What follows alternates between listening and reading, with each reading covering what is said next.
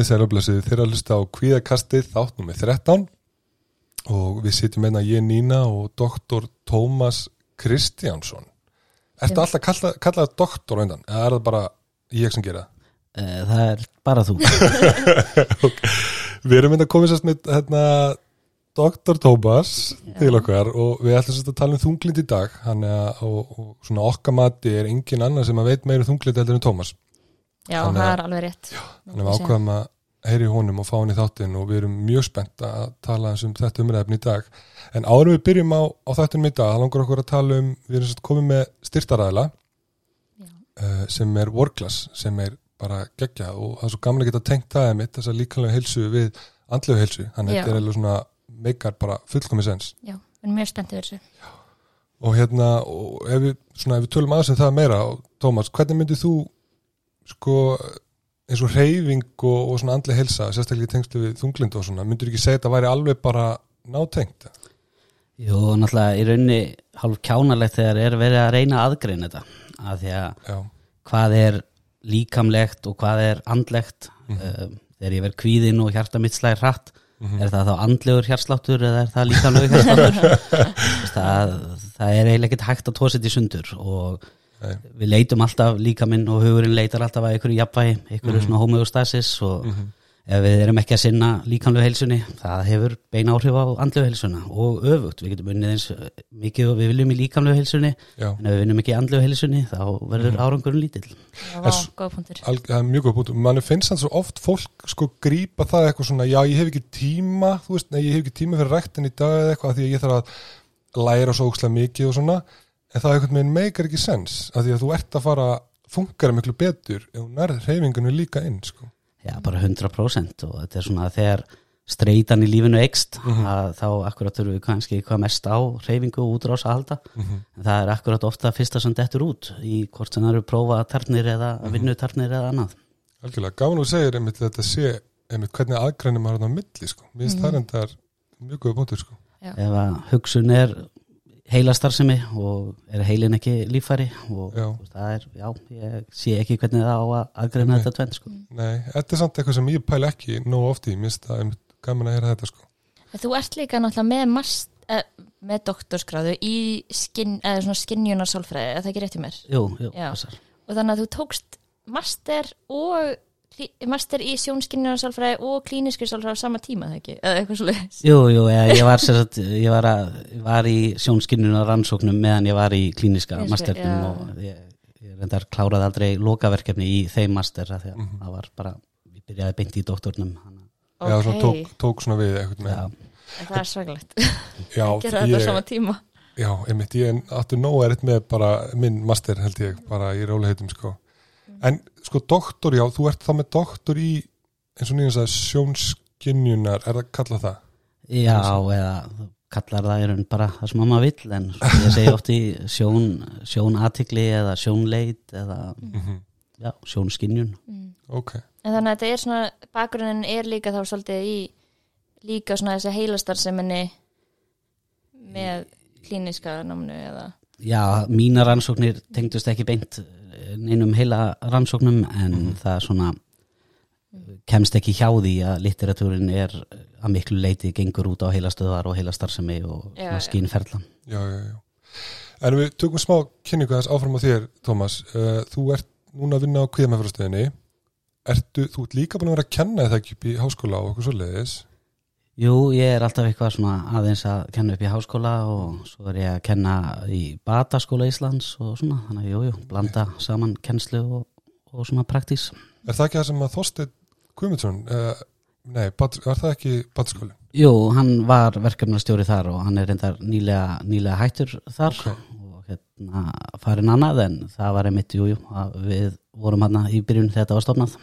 Já. Einmitt. Það er fyrir fólk sem að er að, að svona komast aftur á stað eftir einhver svona langvarandi andlega vikindi eða einhver slags eða Það er í rauninni mjög opið fyrir hverja þetta eru, eh, fyrir hverja þetta er um, en einmitt stór svona markkópur fólk sem hefur kannski verið að er, að- eða er að reyna að fóta sig aftur bara eftir uh, hvort sem þau eru andlega veikindi eða bara svona er að ná svona aftur að koma sér af stað og í gang. Einmitt. En ánum við byrjum á, á í dag, það var svona eitt sem ég langar að spyrja í lokin svona, svona persónulega er svona áhuga svið, þú veist, að það er þessi skinnuninn og svo veit ég að þú er mikið ná á þunglindi og svona. Hvað svona serðu fyrir þér, þú veist eh, viltu blanda þessu saman, þú veist að kenna og vera í meðferð, hvað svona serðu fyrir þér, þú veist, með eitthvað svona sín Já, það er náttúrulega að væri draumurinn að geta sint hvort tökja sko. Mm -hmm. og en svo kemur bara ljós hvað gerist með það sko ok, en ég langar að vera að kenna og bara sinna í rauninni meðferð áfram bara í rauninni. Já, og þú veist, að mörgu leiti ekkert ekkert ósvipað, maður er að reyna að hafa áhrif á fólk, það er bara ámismandi kannski hátt. Mm -hmm. Sálfræðistarfinu er maður að reyna að hjálpa fólki að hjálpa sér sjálfu, í hinu er maður að reyna að hjálpa fólki að læra eitthvað efni og Mhm. svona, já, Já, tengist mikið sko. Já, einmitt, þetta tengist þannig líka ólíkt einmitt, svona eins og þú segir, já, þetta er en semst þáttu dagsins við ætlum að taka fyrir þunglindi og svona ef ég fer bara svona hratt yfir dagskruna, í rauninni erum við bara að tala um svona enkenni, hverju enkenni þunglindis fyrir maður sem yfir orsakir og svona líka viðhaldstætti og svo reynum við að eigða líka miklum tíma í svona að reyna aðeins að finna út, veist, hvað er þetta að gera, þú veist, mögulega, hvort það sé eitthvað verkfæri sem við getum farið yfir.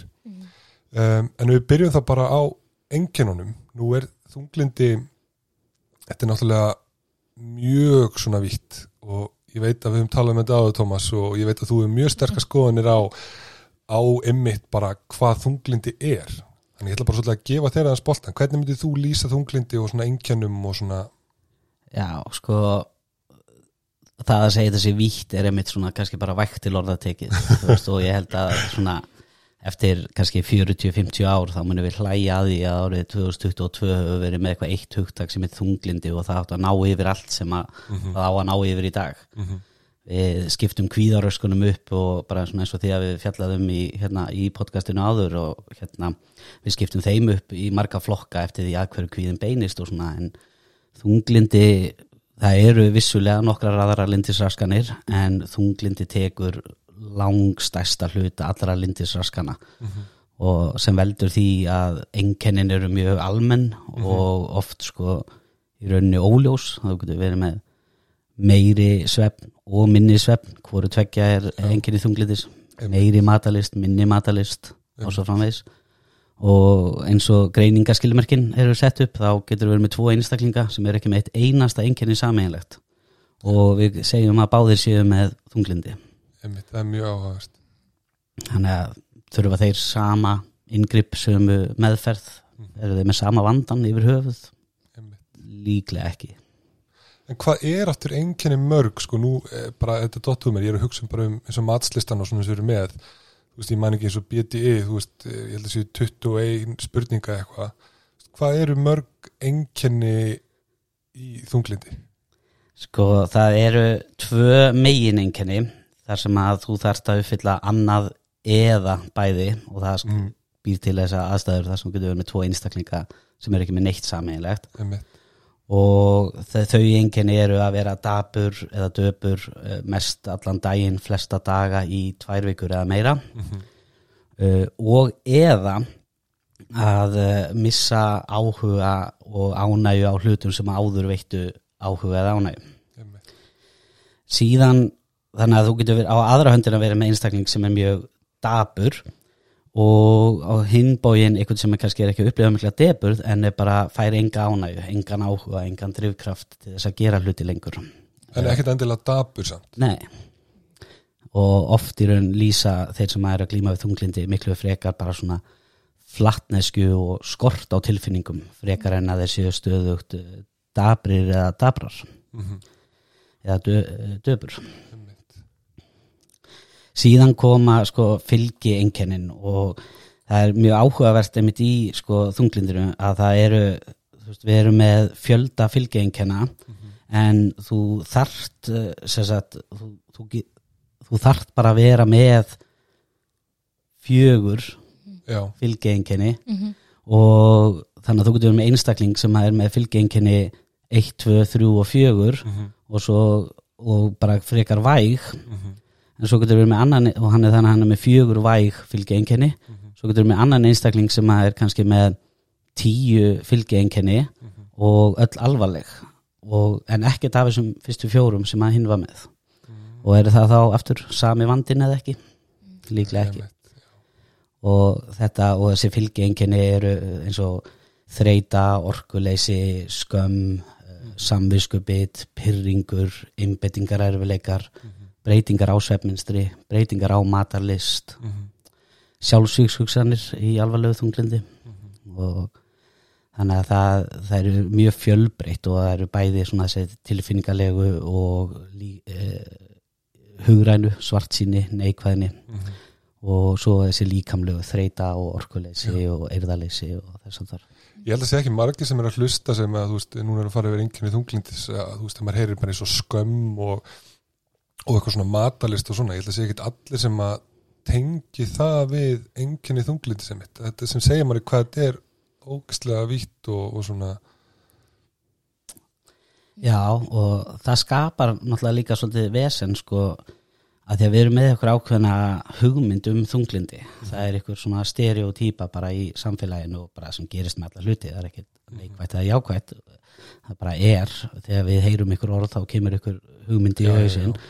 og en gallin við það er náttúrulega að við erum þá með ykkur hugmynd um þunglindi og svo eru þá fullt af einstaklingum sem passa ekki við þá hugmynd og í raun átta sig þá ekki á að það sé mögulegu vandi í gangi að því að nei, ég er ekki þunglindur að því að ég er að því að ég sef ekki mikið. Kannski sef rosa lítið en sem er þá líka þunglindisenkenni eða að því að ég er ekki dabur alltaf þá get ég ekki verið með þunglindi en ég er kannski búin að upplifa áhugaleysi og ánæguleysi í langan tíma þannig að bara svo ég svona fari yfir þetta aftur þá eins og þú segir, þú veist, þú þarft að uppfylla annarkvort bæði eða ekki eða þú veist, annarkvort eða þá var það semst að vera dabur eða döpur og svo í rauninni þetta áhuga leysi annarkvort í rauninni Já. og svo pluss hinn fylgjenginnin sem eru allan að lámark fjögur sem þú þarft að uppfylla þá Já. Emmitt, ok. En svo ef maður reynir að flokka þetta eitthvað aðeins meira eins og þú sagðir á, þetta er svo sem ekkert flokka mikið, þú veist, maður hugsa um þunglindi og svo hugsa maður um óvindi. Þú veist, er eitthvað bara núna er ég að hugsa upp átt, er eitthvað meiri, meira aðgreining en þá? Getur aðeins talað um óvindi viðst það, er minnist það núna? Uh, já, um, sko, svo náttúrulega erum við þá með í lindis uh, svona flokknum þá líka sérstaklega geðkvarfa síkina mm -hmm. íbúlarinn að fara upp og niður. Já, já, en, en mitt óvindi svona kannski það sem væri svona og getur stundum verið hvað, einna erfiðast að aðgreina frá þunglindi og óvindi eða dysthymia hún lýsir sér sko einmitt eins og kannski væg þunglindisenginni yfir mjög langan tíma og eru mjög stöðug. Þannig að þetta er þú kannski uppfyllir ekki alveg greiningaskilmerki þunglindislótu en þú ert alltaf svona fyrir neðan, neðan miðju og bara stöðugt í og þar verður lámarstími að vera tvö ár meðan eftir að með þunglindislótuna þá voru það tvær vikur. Já, já, já, þannig að og þunglindi samkvæmt skilgreiningunni er lótusjúkdómur þannig að þegar fólk segist að veri stöðugt þunglind í mjög langan tíma þá þarf maður einmitt að hugsa hvað það er kannski eitthvað annað í gangi hérna. Af því að þunglindi það kemur í lótum verður verra og svo verður það skárra það kannski þýðir ekki bara allt sé frábært og mann líði æðislega og lífið sé fullt af tilgang en það koma skári tímabil og það koma verri tímabil í þunglindi en sagður í óvindinu, sagður tvö ár. Er ok, mér myndi að þetta hefði verið ár. Ég, allavega þegar ég lærði það, það Já, gæti já. verið búið að breyta því og, og það er alveg smá debate að þetta gæti verið meira svona persónuleika röskun frekar heldur en lindisröskun svona, eða Já, ekki eða- Akkurat, þú veist, hvað er að maður að setja mörkin það sem persónleika röskun er eitthvað sem er viðvarandi og einkenni þið sem Já. persónu og bara þinn persónleika og ef eitthvað er búið að vera viðvarandi í tvö ár þegar ég lærði það Já. já, já, Kannski, já. hérna, Nei, ég kíkja á maður það. ekki alveg ég, Nei. hérna, En mér langar líka að taka þá þessi umræðu út að ég seti hérna svona hópmeðferð hjá þér við þunglindi og mér fannst það bara, ég lærði svo margt að því. Og eitt sem að þú tókst umræð um var eins og að svona hvernig við skilgreinum þunglindi í samfélaginu, þú veist að sömur tala um það sem geðsjúdóm, eða bara sem sjúdóm í rauninni, sem að við bara þú veist, þú getur ekkert í gert, þú ert bara með hennar sjúdóm og svo aðri sem að tala um að þetta sé bara eimingjaskapur eða eitthvað svo leis þannig að hvað finnst þér um, um þetta hvernig við lítum á þunglindi Já, og kannski svona ingangspunkturum venjulega þar sko er svona eitt af mínum svona pet pívum varðandi þunglindi, það er svona þegar þegar fólk segir ég er þunglindur eða ég er þunglind og þessi hugmynd að við séum einhvern veginn vandamáli sem við erum að takast á við. Að því að, og þetta er svona kannski svolítið bara svona meira málfræðilegt pet píf hjá mér, að því að það gengur ekki upp að segja þetta um neitt annað. Þú veist, ég er ekki tásvepp ég er ekki COVID og það bara meikar ekki sens.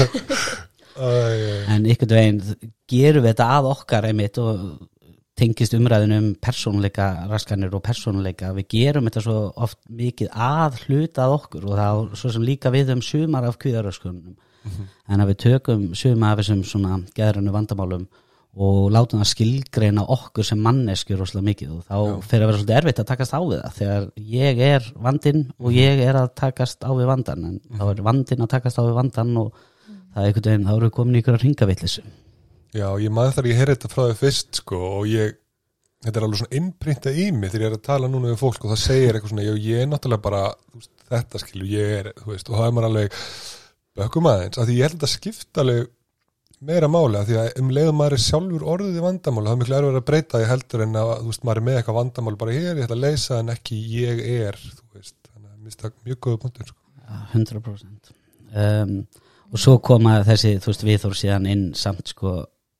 ja, eins svona þekkt og í raun umtalað og þunglindi er. Jafnvel stundum nánast of mikið þannig að fólk er farið að tala um að ég var svo þunglindur í gær. Þegar þau eiga við ég var leiður í gær eða með leið illa í gær. En þá sko jafnvel þótt að orðið og í raun þessi svona stereotýpa svo sem ekki heildarmyndin en sé rosalega við, er þekkt og viðukend og samt á sama tíma er rosalega miklu fordómar svona í samfélaginu og eins og þú kost inn á nýna þetta svona æ, startu bara upp og fara að gera eitthvað þetta er bara auðmingjaskapur, þessi þreita er bara auðmingjaskapur sem að er náttúrulega út í hött af því að alveg eins og ég talaði um með hjarsláttin í kvíðanum, hvort að það veri líkamlegt eða andlegur hjarsláttur að við viðurkennum líkamlega einkenni flestra tilfinninga ef ég er skjálfandi af reyði þá er skjálftin ekkert ímyndun. Ég á ekkert bara hægt að skjálfa eða hjarslátturinn í kvíðanum.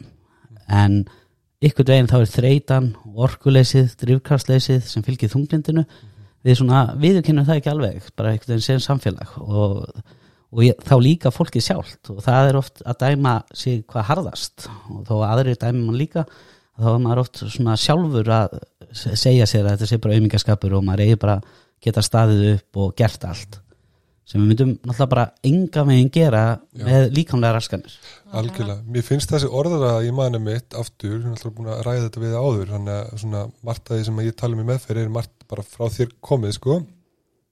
En ég finn alveg þegar ég ræði þetta við fólk að þetta er svona, það fær eitthvað svona smá power, því að maður byrjar að normalisera, þú veist, maður viðkennir alltaf kvíðan, þú veist, bara hjartslátturinn og allt það, en svo þreytan og orkulis í, í deburinn og þunglindinu, það er allir bara eitthvað svona, já, það er bara eitthvað svona umgjörskapur, en um leiðum að svona útskýra þetta fyrir þeim, að þá svona einhvern veginn næra það að sætta sem meira við, að því um leiðum að sætti sem við nú verði ástand, þá er maður tilbúin í breytingar, er alltaf þessi umræða, sko, þannig að minnst það, minnst það geggjaða punktur, sko. það er oft bara það er oft komið fyrir að í rauninni þetta var vendipunkturinn, eitthvað sem er oft bara í svona einhverju kynningu og við að kynnast og svona aðeins að skilja og valitera hvað er í gangi hjá hverjum einum.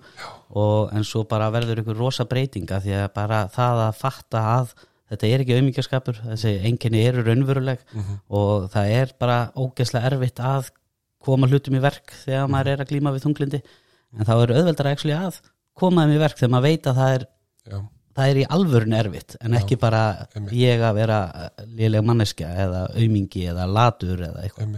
Og já, Já, og þess vegna finnst mér líka eins og þessi umræða veist, uh, að horfa á þetta sem sjúkdóm sem að, eða ég er þunglindur bara, þú veist, það er bara eitthvað svona sem að ég get ekki stjórna og bara, ég er bara svona eða þá, þú veist, þetta er auðmyggjskapur og ég bara á ekki, þú veist, þetta, ég á ekki að vera svona en þetta í miðjunni, þú veist þetta er ástand sem að ég er að takast á við að ég get gert eitthvað í því til að komast út af því en þetta er samt mjög raunverulegt og bara alveg eins og bara, já, allar aðrar hverjaskanir og allar aðrar geraskanir skilur það er að finna hennan milliveg þarna, sko. Og þá líka bara maður stoltur að sjálfum sér að, einmitt díla við þetta þegar ástandi er eins og það er, sko.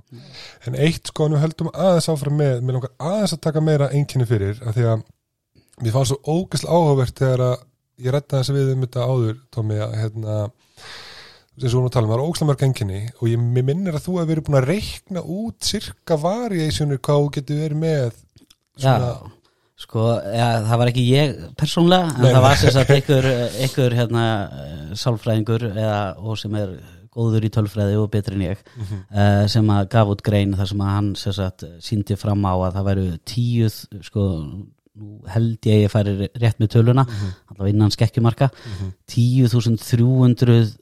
10.337 eða 77 uh, sagt, yfir 10.300 Einmitt. mismunandi svona samsetningar af þunglindisengennum það er rosa, nú getur við með 10.300 einstaklinga, allir með þunglindi en enginn með sama enkenna minnstur í rauninni. Nákvæmlega. Það er rosa áhugavert sko. En þá finnst mér líka, því við fengum spurningar á Instagram og mér langar aðeins að bæti það núna að fólk er að tala um sko, var að spyrja um svona þessi lúmsku enkenni því ég held að sé mjög algengt að fólk er eitthvað svona býtu, er ég með þunglind eða þú veist, hvaða enkenni er í gangi hérna, þú veist, eitthvað svona lúmst hvað myndur þú segja að væri svona lúmsk enkenni ég veit ekki alveg hvernig ég get orðað þetta betur eitthvað megin Nei, sko það er náttúrulega mikilvægt að aðgreina sko, við erum með einkenni sem við notum til að greina eitthvað sem greinir þetta frá ykkur öðru. Og svo, en svo náttúrulega finnur fólk fyrir miklu meira heldur en veist bara þeim einkennum sem að skilgreina sjúkdóminn. Og, og svo er það bein og óbein í raun einkenni, hvað eru einkenni þunglindisins og hvað eru einkenni þess sem að í rauninni þunglindið veldur? Veist, Já, já. ég þunglindi veldur mjög oft vanvirkni og forðun. Og ef ég forðast og fresta að gera hlutina þá byggist upp kvíði ekki satt? Og stress.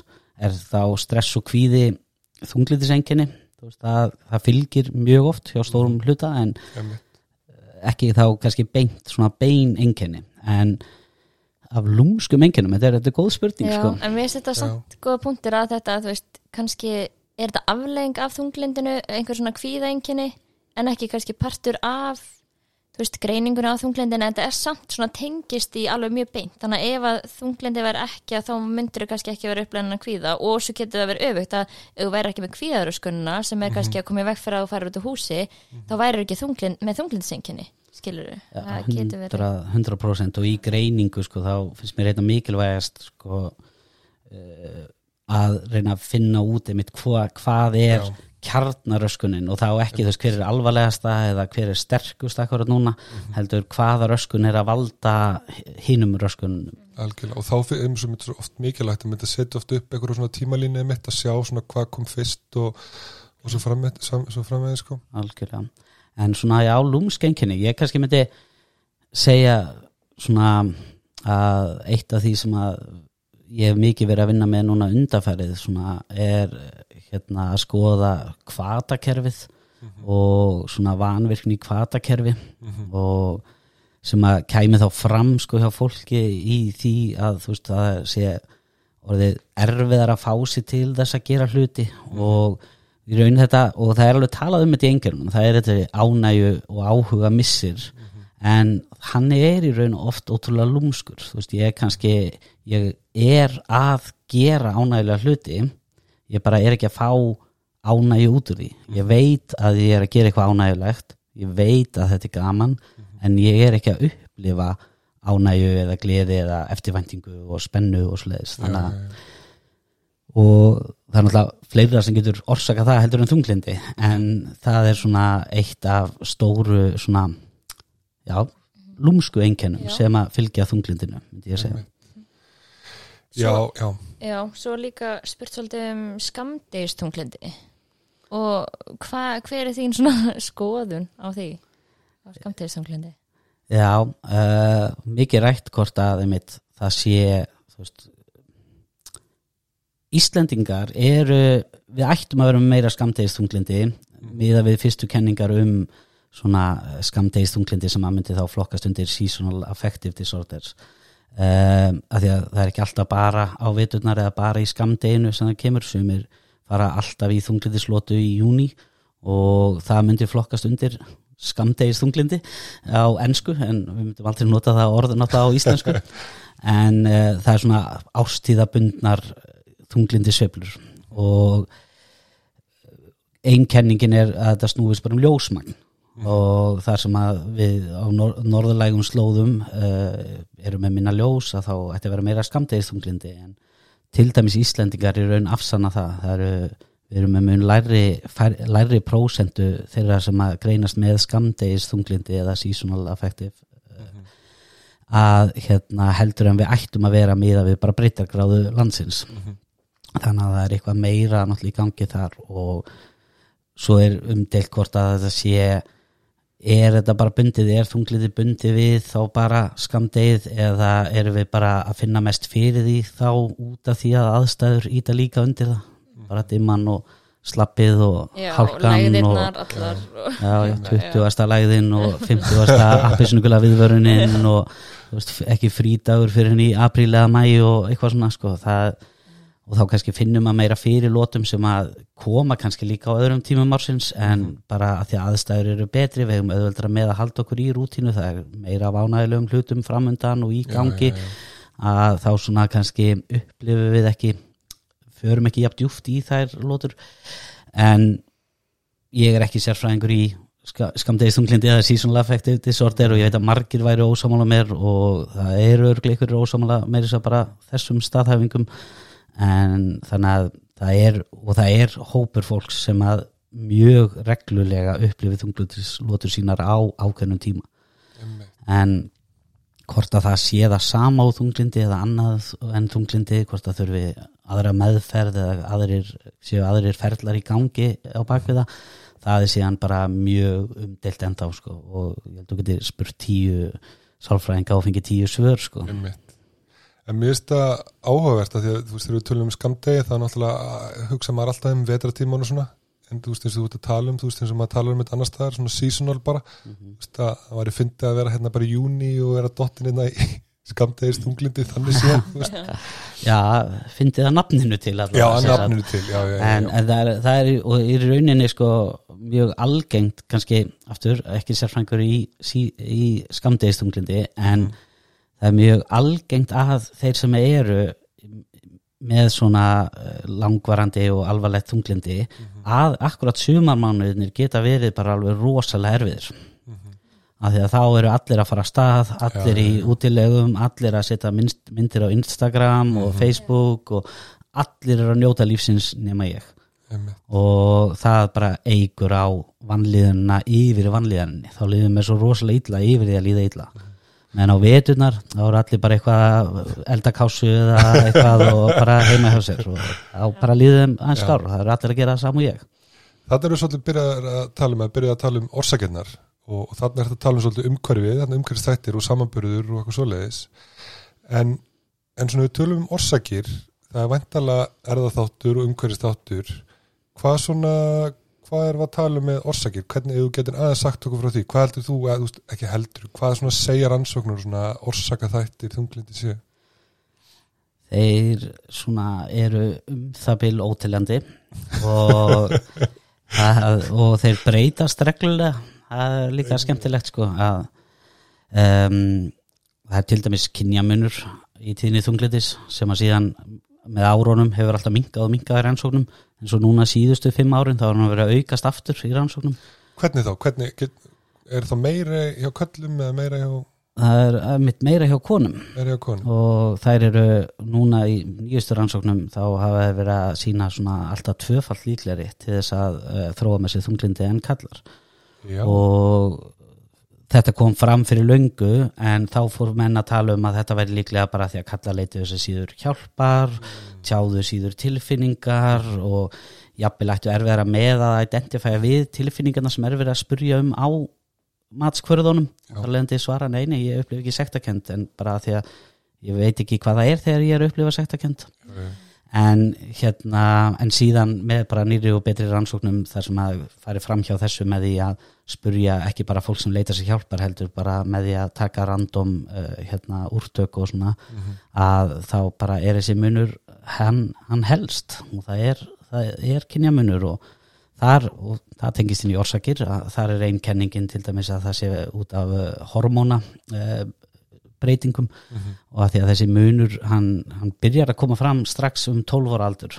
En kynjamunurinn þar að segja í greiningum á þunglindi og í rannsóknum uh, en hann verður miklu stærri og skýrari á kynþróska, kynþróska árun 14, 15 13 til, já, 13 til 17 ára og þá er einkenningin svo að bara hormónabreitingarna sem eiga sér stað veist, í kynþróska eru talsveit ólíkar hjá köllum og konum. Og það kenningin er að hormónabreitingarna sem konur eh, fara í gegnum að það er auki líkunar á því að, að gera þær næmari fyrir því að þróa með sér þunglindi kom minnst það áhugavert. Ég Já, er líka eins og heyrt með þú veist, konur á breytingarskiði þú veist, þá náttúrulega breytist hormónastarfsemi mjög mikið. Akkurat það var líka eina spurningar á Instagram að svona hvernig hormónastarfsemi er tengist í rauninni þunglindi Já, þannig að er, er þú veist, veistu eitthvað svona með það hvernig hérna kenningarnar eru um hvaða breytingar þetta eru? Eða þú veist, hvað er svona ólíkt kannski hjá konunum og kallunum stuttasvarið er nei. En sko það er það hefur verið rannsaka sko fylgni og það, er, það eru alveg skýr merki um það að það er til dæmis í vanvirkum skjaldkirtli að það eigur líkur á þunglindi.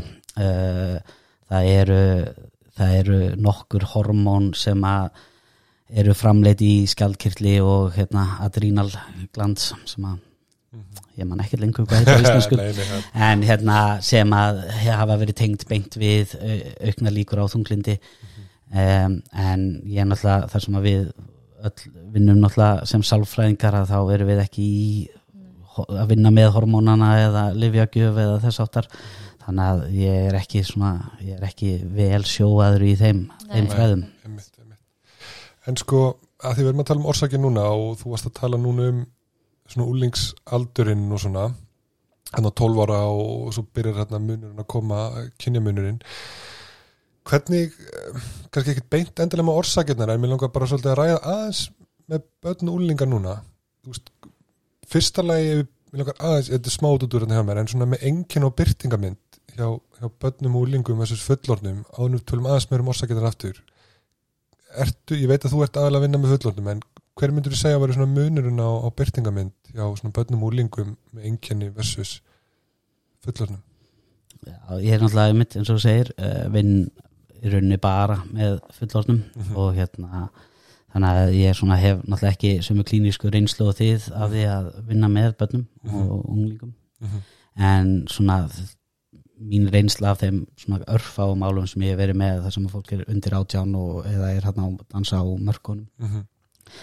Er að það er svona það er oft kannski minna snýst minna um svona rótgróin viðhorf, neikvæð viðhorf til framtíðarinnar og til uh, sjálfsins og til umheimsins sem að maður sér oft í eh, svona langvarandi þunglindi fullorðina það er búin að festast mjög mikið í sessi svona neikvæð viðhorf sem maður oft erfitt að brjóta upp. Mhm. uh, hjá krökkunum þá er mínu upplifun að þetta er oft meira svona við getum séð skýrar í svona tryggjara aðstæður sem að komi sér í gang ykkurar uh, hvort sem það er hvort sem það er til dæmis bara kynþróskin og breytingar á líkamannum og það skapar ykkur óanægu eða það eru uh, hætta í íþróttum eða það er uh, vandamál í vinahópnum og sem kemur að stað ykkur í deburð og svo það hvernig við tökum á móti vanlíðanni og bregðumst við vanlíðanni það þá þróarst út í svona þunglindis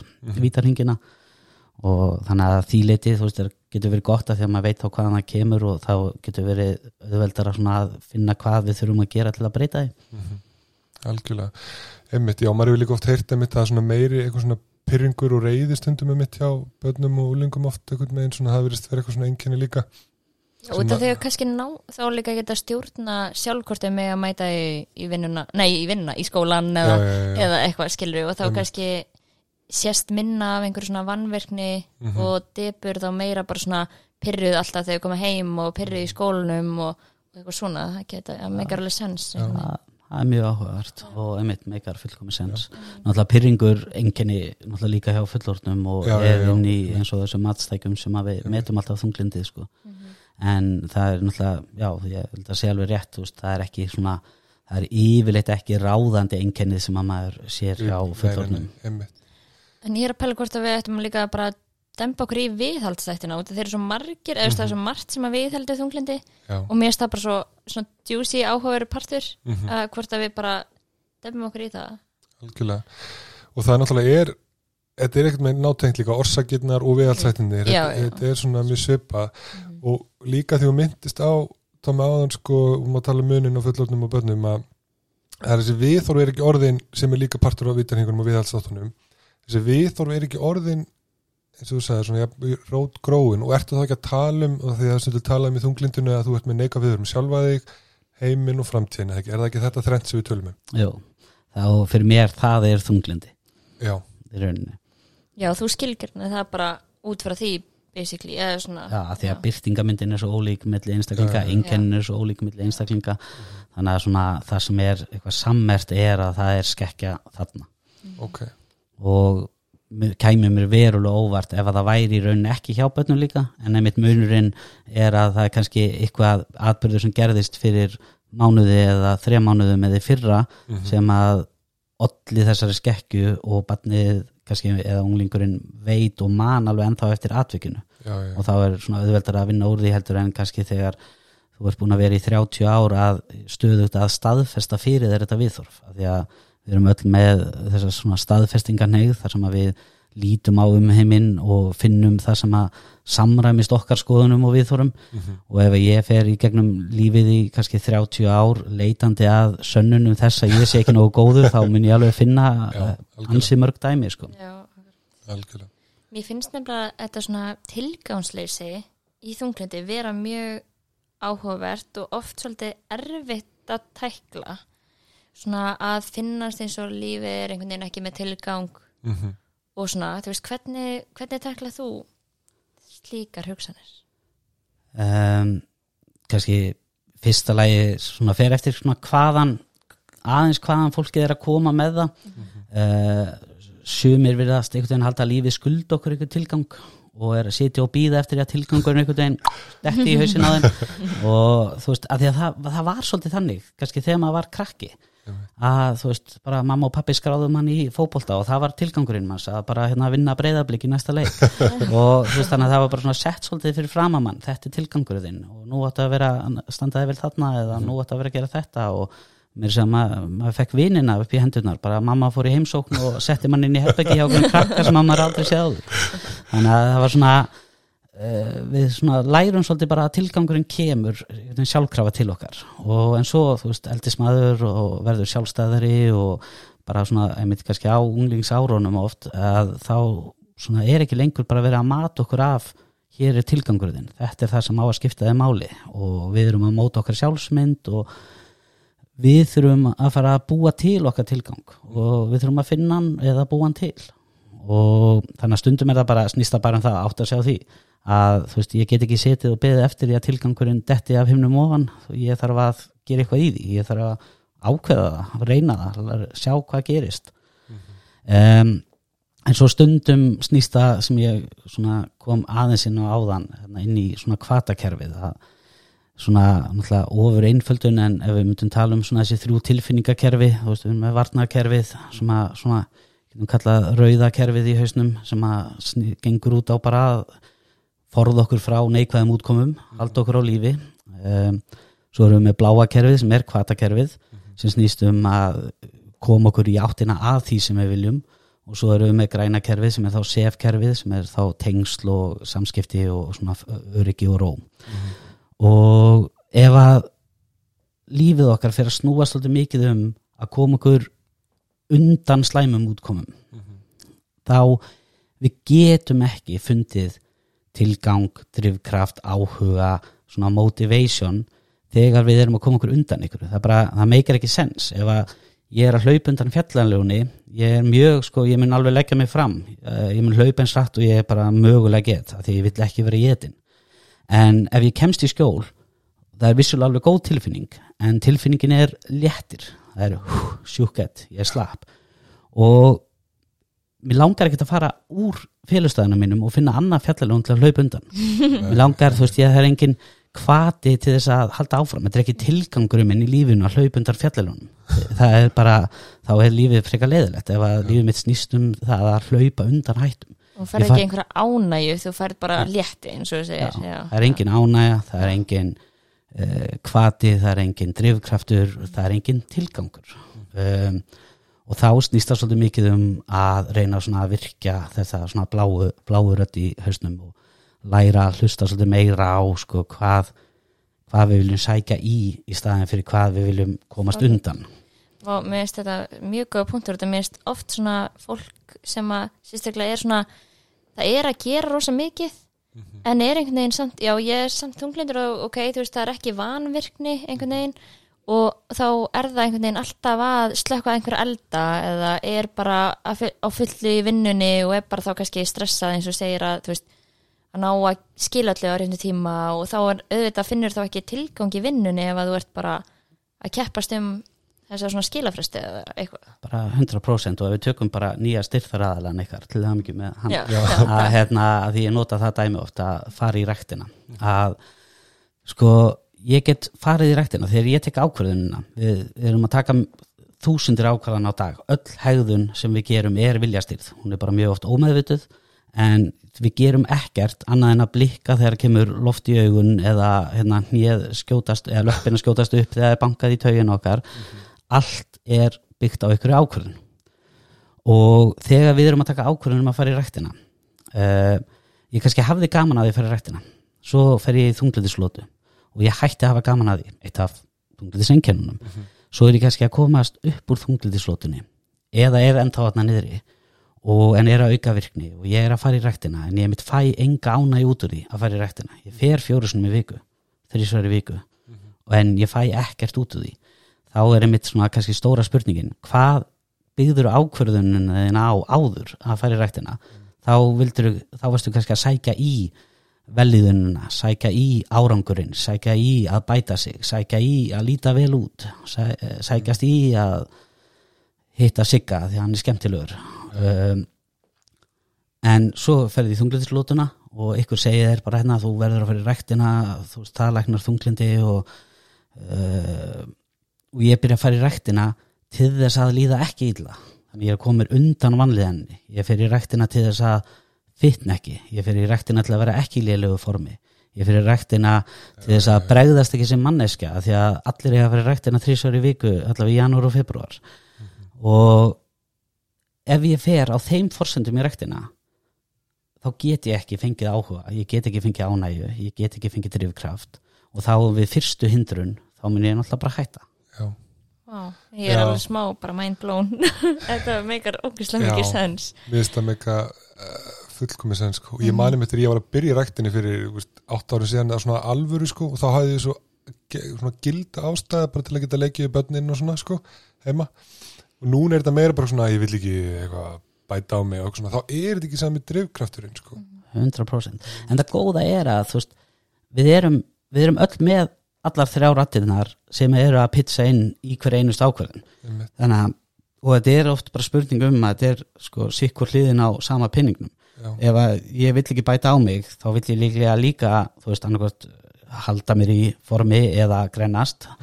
Og þannig að þá er þetta oft í rauninni bara hugafarsbreytingin kannski eina sem getur verið smá erfitt í þessu er að hugafarsbreytingin á sér stað þegar við erum að taka ákvarðaninnar þetta er ekki að ég er á hlaupabrettinu og er hérna með einhverjar þetta, þetta er ekki að samu jákvæðar möndur þó að það er alveg þjón í sínum tilgangi og bara allt í, allt í góðu en þetta snýst ekki um að vera í rektin að segja sér ég vil bæta mig, ég vil vera í góðu formi, ég vil vera að líða vel.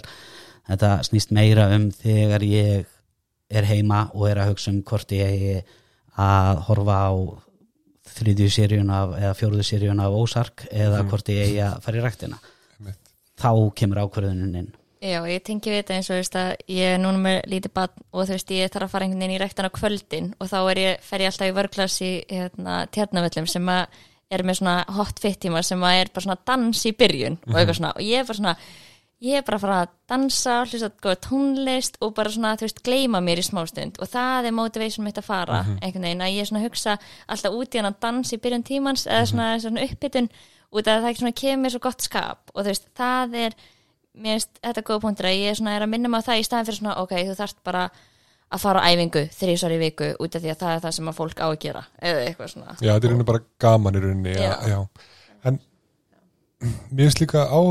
er bara í Tómi, þú talar um sko að því að við erum svo mikið í dag finnst mér í sálfræðin í haminu að hérna, fókus á hegðun og svona.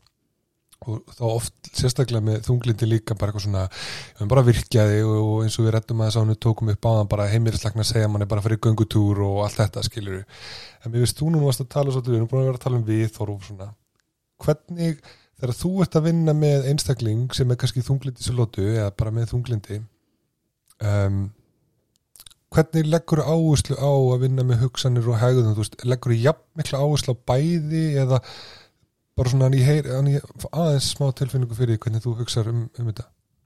Það eiginlega fer bara 100% eftir hver sittur fyrir fram að mig. Af því að eftir þunglind er svo ólíkt á milli einstaklinga að með kannski einstakling sem að bara er á mjög erfitt með að fara fram úr rúminu þá þurfum við að byrja á einhvers konar atveldisvirkjun mm -hmm. og bara koma, koma ykkur í gang já, já, já. kannski en með einstaklingin eins og þið vísuðu jáðan sem er bara rosalega virkur og er að gera fullt af hlutum þá erum við ekki að fara að bæta neinu við með að sitta þrjá göngutúra inn eða eitthvað svo leiðis þá fyrir við kannski meira strax í viðþorfinn og í svona kvatakerfið hvað ert að fá út úr hlutunum sem þú ert að gera mm -hmm.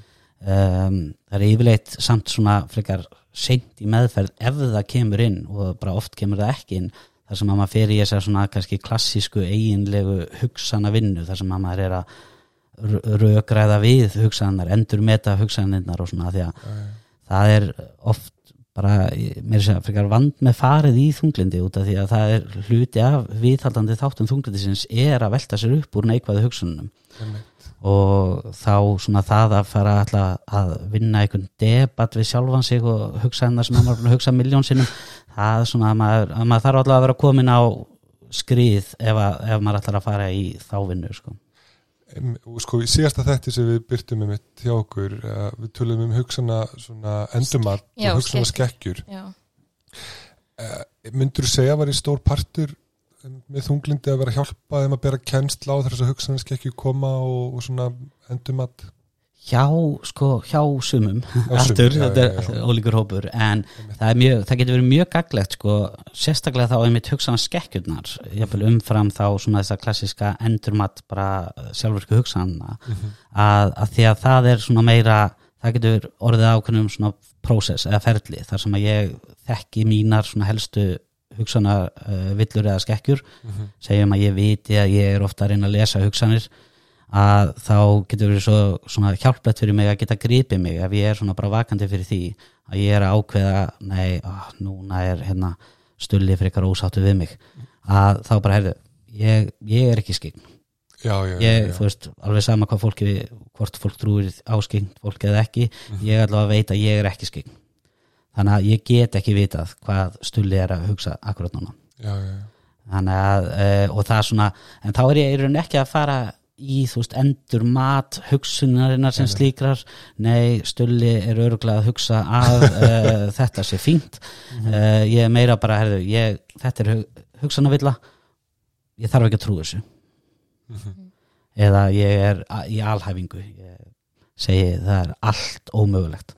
Bara svona allt. Það er 100% það, nei, það er ég trú því að það er ekkert í lífinu sem er 100% eða 0% þannig að þegar ég grýp mig við því þá veit ég að það er ekki rétt. Og þannig að það er svona meira prós, svona ferilsorienterað heldur en kannski svona þetta klassiska endumat, en það þarf alveg stundum að fara í það, Já. hjá einstaklingur sem að það er byrtingamyndin og það sem að það er mikið bara verið að mm -hmm. neikvæðu hugsanar eru það sem er aðaldrifkrafturinn inn í þunglindið. Já. þá náttúrulega þarf að fara og taka á því En hvernig ber maður kennsla á þegar við vorum að tala um að náðan neika viðþórum um sjálfansi heimin og framtíðin og svona er ekki stundum alveg erfitt að bera kennsla á þetta? Og nú er maður að hugsa bara þú veist ef ykkur er að hlusta og er eitthvað svona þú veist er að velta fyrir sér hvort hann sé með ykkur enginni eða er svona þyrti að spæli hjá sjálfum sér. Hvernig grýpum maður veist, þessar hluti? Þú veist að því að maður veist, hvernig getur maður reynd að komast að þessu? Já, þá fer ég hérna, og verð meira eins og klassísku hérna, hamið sem þú vísaði í áðan mm -hmm. og myndi vísa þá í atferðlið af því að einmitt við eh, höfum flest ekkert rosalega beinan aðgang að okkar viðhorfum Nei. við höfum aðgang að uh, hugsununum stundum og en viðhorfin liggja oft mjög djúft og er ekkert rosalega aðgengileg það sem að við getum séð og er miklu betri mæli hvar þið á svona hver staðan er. Að, eins og ég við töluðum um í byrjun svona hvernig líka minn og uh, andlega hliðin þú veist þetta er allt tengt. Þannig að uh, það er miklu betra að nota hegðunina þá sem svona já, ef að ég er farin ef það eru breytingar í mínu hegðuna minstri ég er farin að draga mig meira frá þú veist, félagskap eh, farin að beila á vinnum mínum oftar en er mér eðlilegt. Ég, það er farið að vera erfiðara fyrir mig að fara í sturtu sem að áður bara ég gerði á þess að hugsa en núna þarf ég svona að draga mig í það. Já, já. það, það getur verið einkenni og er bara verið að fara í vinnuna Já. hægt að hafa gaman af hlutunum sem að voru gaman þú veist, það er, en það er þá hegðun þú veist, það er það sem ég er að gera. Bæði þá síðan hvaða tilfinning kemur með því en líka samt aðalega þú veist, er ég að gera þessa hluti eða ekki Mér finnst líka eitt svona sem að út varst að tala um áðan með svona að leysa í rauninni vandamál eða þú veist að það verður svo erfitt einhvern veginn líka í þunglindi að svona um, að það verður oft svona margt yfirþyrmandi og verður einhvern svona kvíði út af því að þú kannski líka ert ekki eins mikill hvati að, að gera hlutina þá kannski byggjast upp einhver stór vandamál og, og það verður svona kannski erfiðar að takast á við það. hvað svona hvað myndur segja með eins og einhvern sem er bara hérna, ekki með vinnu og bara fer samt ekki, þú veist, fer ekki í styrtu bara reglulega og eitthvað svona, þú veist og bara er ekki að hitta vinni og svona, hvað ætti því svo manneski að byrja í sínum svona að leysa sín vandamál? Okay. hann svo manneskja ætti að borða fíl. Og þess að uh, sagan af því hvernig borðar er fíl.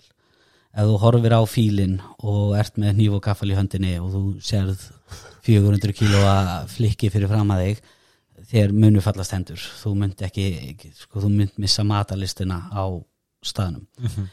Eina leiðin til þess að borða fíl er að brytja niður koma einum mátulegum skamt á diskin brytja hann niður í svona munnbita stærð og svo bara byrjar að tyggja eins og anskotin það er og í þessari stöðu þá kannski ræður ekki við að fara þrísari viku út að labba það er kannski ekki rétta skrefið. Þú þarft að brytja bitana niður í stærðina sem þú ræður við.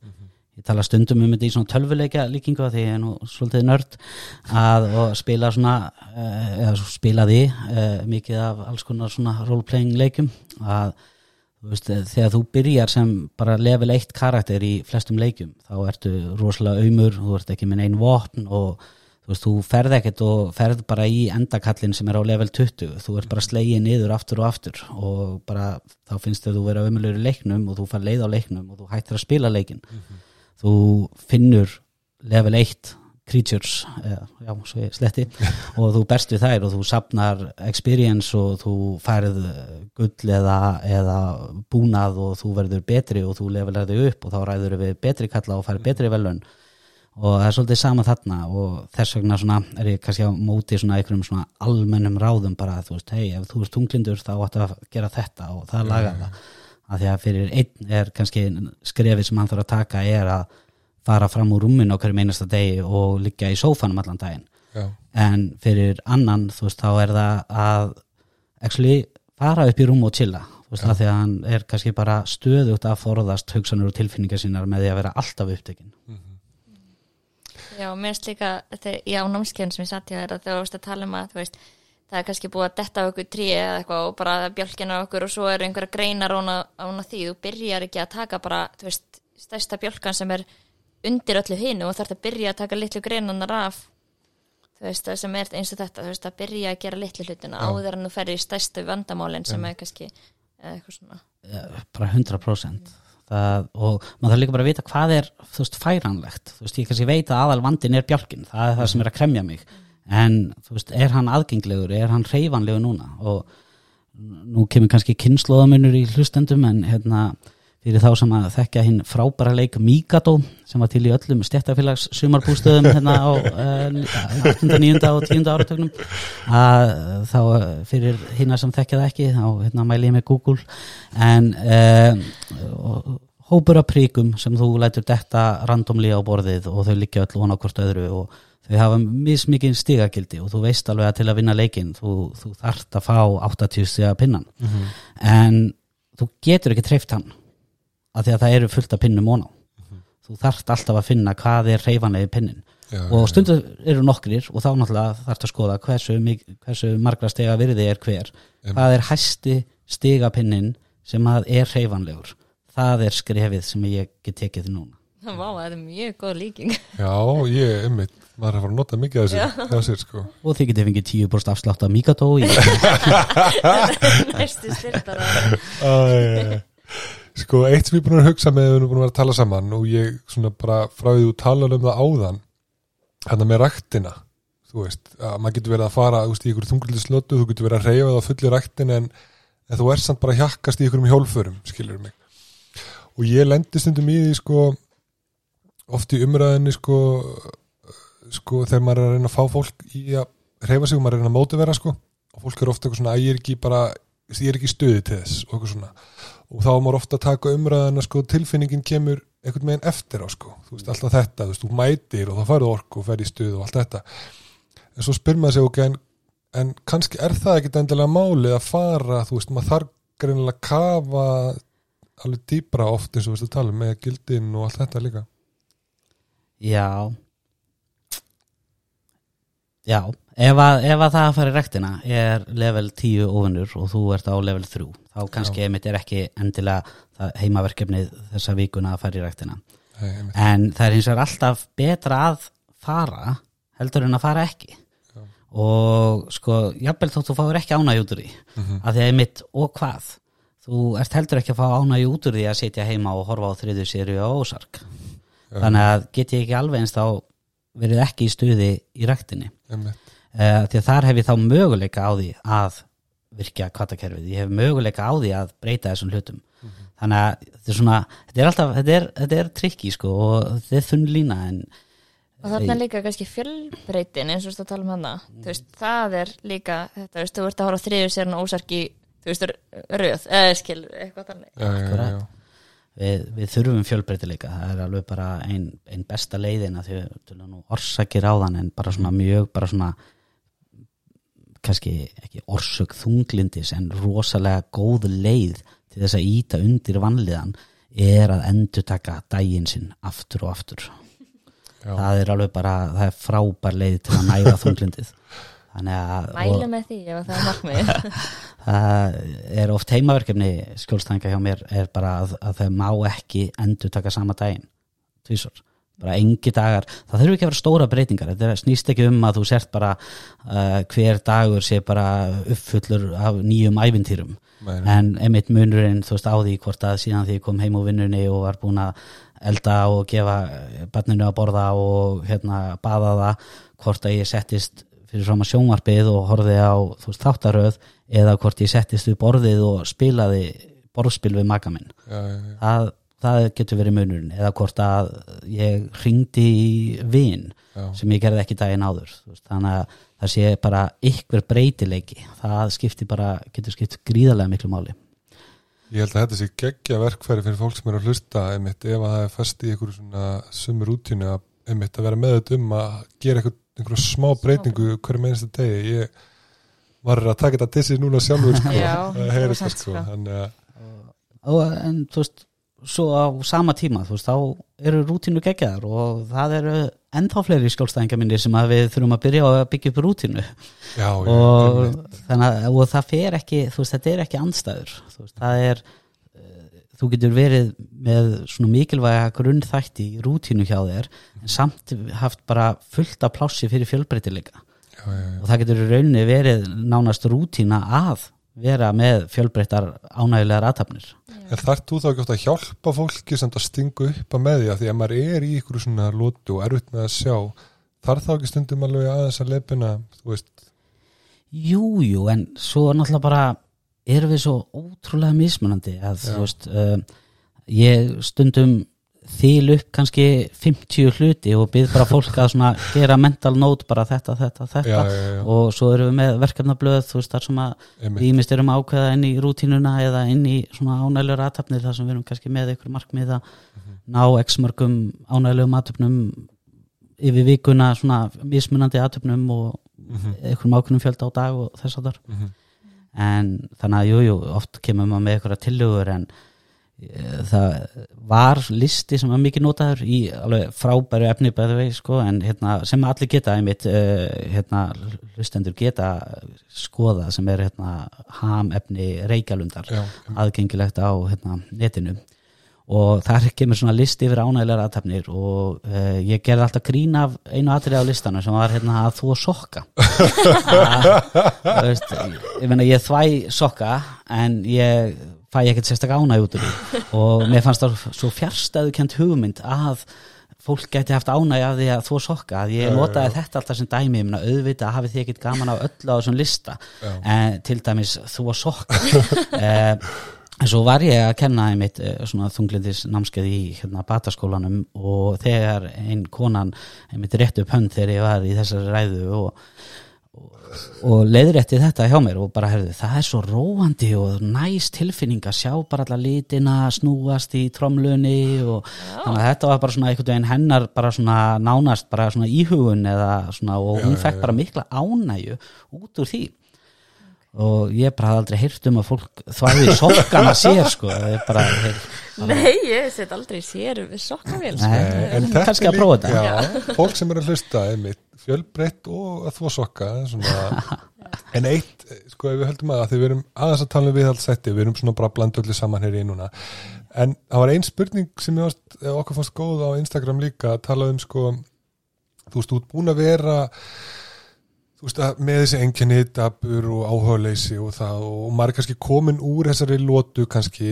eh, en svo er þessi ótti er hæðislega að lenda aftur í, í þunglindi að fá aftur þessi enginni hvað ertu með eitthvað svona ráð þú veist að ég get alveg ímynda mér að þú veist það er alltaf þessi ótti alveg úf, ok, ég gæti bara aftur dotti niður og þú veist hvað þá eitthvað með?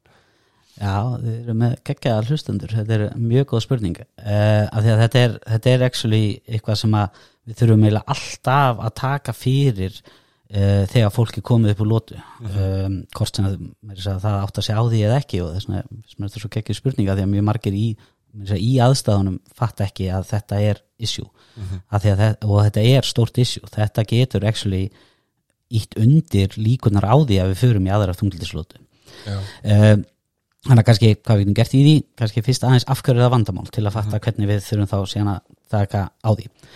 Að ef að ég er, einmitt, mér er farið að líða aðeins betur og ég er farin að gera hluti ég er farin að fá ykkur ánægju en ég er skítrættur við að fara í aðra þungliðislótu eðlilega, það var ömulegt í síðustu þungliðislótu ég jafnvel skemmti fyrir mér í vinnu eða skóla og í, í, í samskiptum og, en líka bara með leið ömulega Mhm.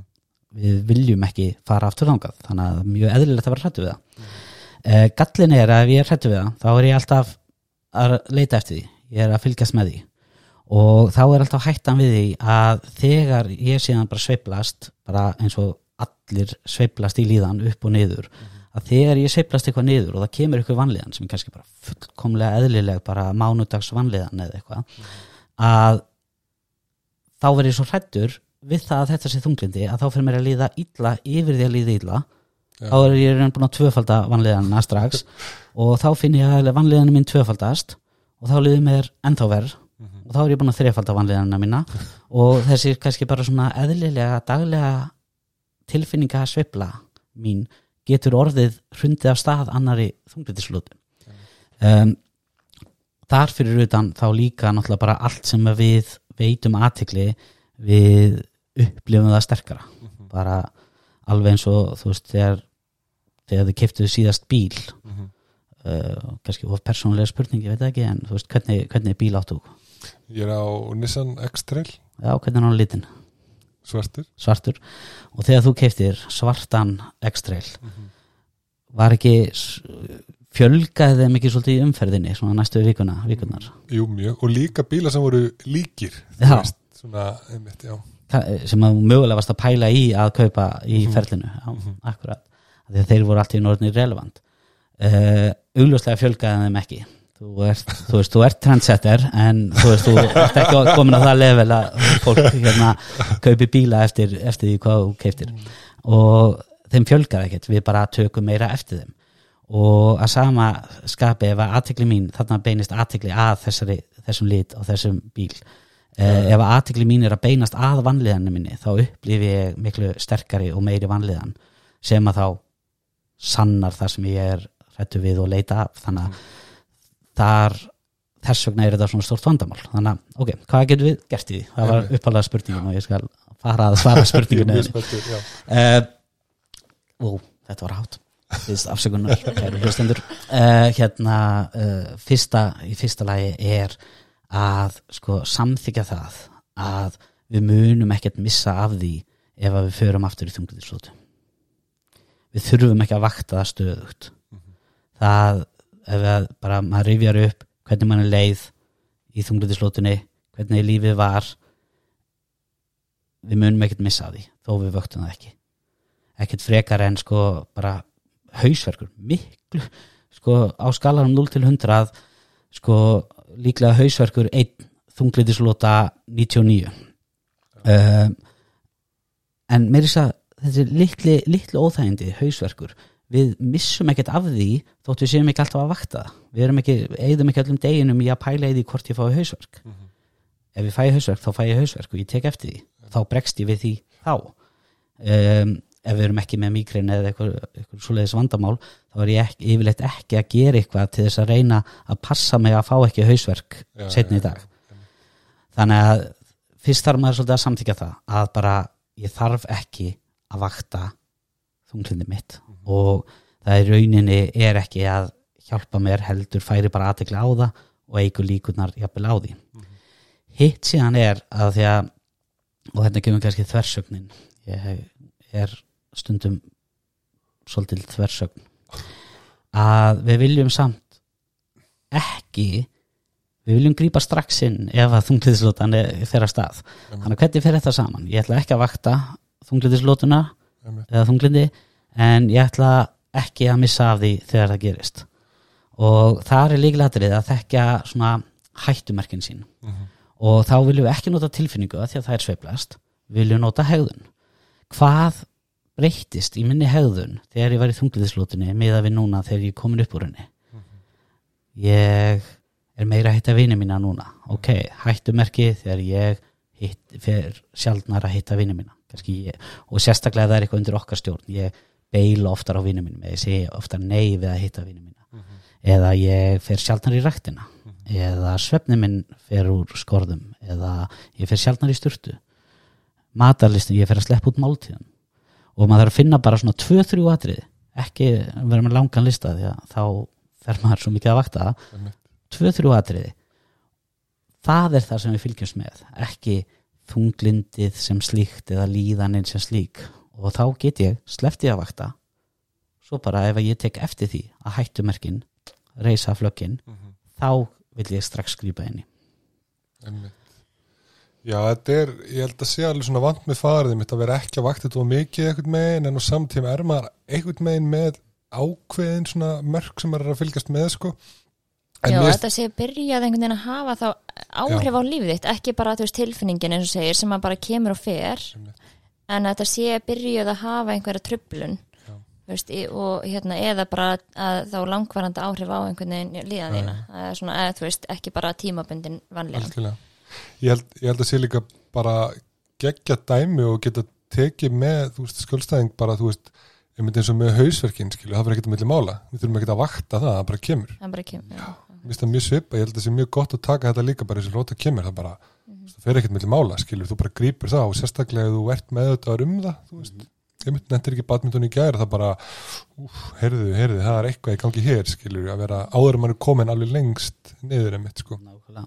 og þá ekki að vera kannski eitthvað að rífa sér niður fyrir að hafa ekki mætt í badmintón eða eitthvað, en þetta er bara svona að þá, Já. þú veist, þetta er kannski eitthvað viðmarki við ætlum að fylgjast með og bara sjá hvað, þú veist, en ætlum ekkert að rífa okkur, veist, lengra niður. Nei, alls ekki, bara það, viðvörunamerki er bara viðvörunamerki það er bara þá ég að kíkja bara svona hei, hvað er í gangi, er, er ekki allt í góðu Já, já, aðeins bara taka já.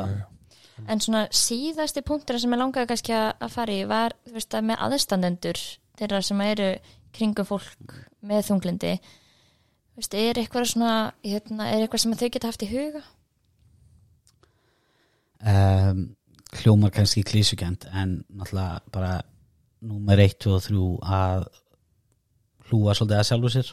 Uh, það er svo mikilvægt að að það er ótrúlega það er ótrúlega erfitt að vera aðstandandi einstaklings með þunglindi. Um, og kannski bara að leita sér hjálpar að fá bara að spjalla við einhvern fæðalega því að sko, jafnvel þótt fæðali eða einhver sem hann tristir og þekkir þetta vel þótt hann geti sagt lítið þá bara til með það að segja fólki að þú mátt segja hvað sem er við þann sem er þunglindur. Já, að því að fólk verður svo ofta að passa sig á hvað það segir að því að það vil alls ekki láta hinn uh, þunglinda einstaklingum líða illa. En það, það er í rauninu oftar uh, óhjálplegri viðbröð að þegar aðstandundum manns fara að breyta hegðun sinni gagvart manni Það er segja eitthvað í hlýi eða eitthvað eða veist, já og þá er bara svona ó, þau eru orðin eitthvað svona skrýtingagvart mér og það bara staðfestir fyrir mér ef ég er með þunglindi og allir fara að breyta einhvern veginn hegðun sinni og samskiptum við mig þá staðfestir það fyrir mér að það sé eitthvað að mér. Ég, það er, þú veist, ég er eitthvað skrýtin og þá fyrir ég og mjög oft líður þunglindum einstaklingum mjög illa yfir því að þunglindið þeirra hafi áhrif á aðra. Já, þannig að fyrir mér er sko líkilatriði að bara reyna að halda áfram að koma fram við manneskjuna eins og þú hefur komið fram við hana. Ef við kefum okkur að það hafi verið heilbreytt og uppbyggilegt til að byrja með. Já, já, og halda áfram veist, viðukenna og valitera einkennin, þú veist eins og ég segi þú veist, þreytan og orkuleysið er raunverulegt. Já, en það er munur á því að skilja það og valitera það og normalisera það og að segja þá bara já herri, þannig að hérna, þú mátt bara þú veist, líka upp í rúmi allan daginn og við skulum bara ekki gera neitt af því að þreytaðin er raunveruleg veist, maður heldur áfram að hvetja manneskjuna en maður, það er kannski mikilvægt fyrir aðstandur líka að taka því ekki persónlega þegar það þá, þú veist, gengur Já, ekki já. eða þegar kemur neyið eða þegar manneskjan hættir við eða eitthvað svona. Já, að skilja það bara að það er hluti af vandanum og en halda bara áfram að vera til staðar reyna sína skilning og valitera tilfinningarnar og síðan bara að bjóða upp á möguleikan bjóða upp á virkni en kannski reyna að láta hann svolítið mattsa hvað einstaklingurinn er. Já, já, ekki stinga upp á fjallgangu við mannesku sem hefur ekki farið út úr herbygginu í fjóra daga. Já, já, en uh, kannski að stinga upp á því að koma niður og borða, borða matinn. Já. Mér finnst þetta sko geggjaði punktur sem þú segði bara alveg fyrst bara hlúa sjálfur sér vegna þess að ég held að sé rosa bara einmitt oft erfitt þú veist að vera einmitt sérstaklega manneskjani er þú veist stór partur af liðmanns einhvern veginn og er mikill áttakandi og svo einhvern veginn í lótunni að þú veist þá hefur það svo mikil áhrif á mann sjálfan skilur mig að einmitt að þá þarf maður líka að hlúa sjálfur sér. En mér finnst líka pælingin sko þú veist, þú erum að tala um að valitir á allt og reyna að hegða þessi samt bara eins og venjulega myndur þá ekki segja þú veist, ætti maður ekki að vera að minka kröfur þá í einhvern x tíma eða er maður bara með alveg bara að reyna að halda alveg sam eða þú veist, ég veit náttúrulega mismunandi en þú veist, Já.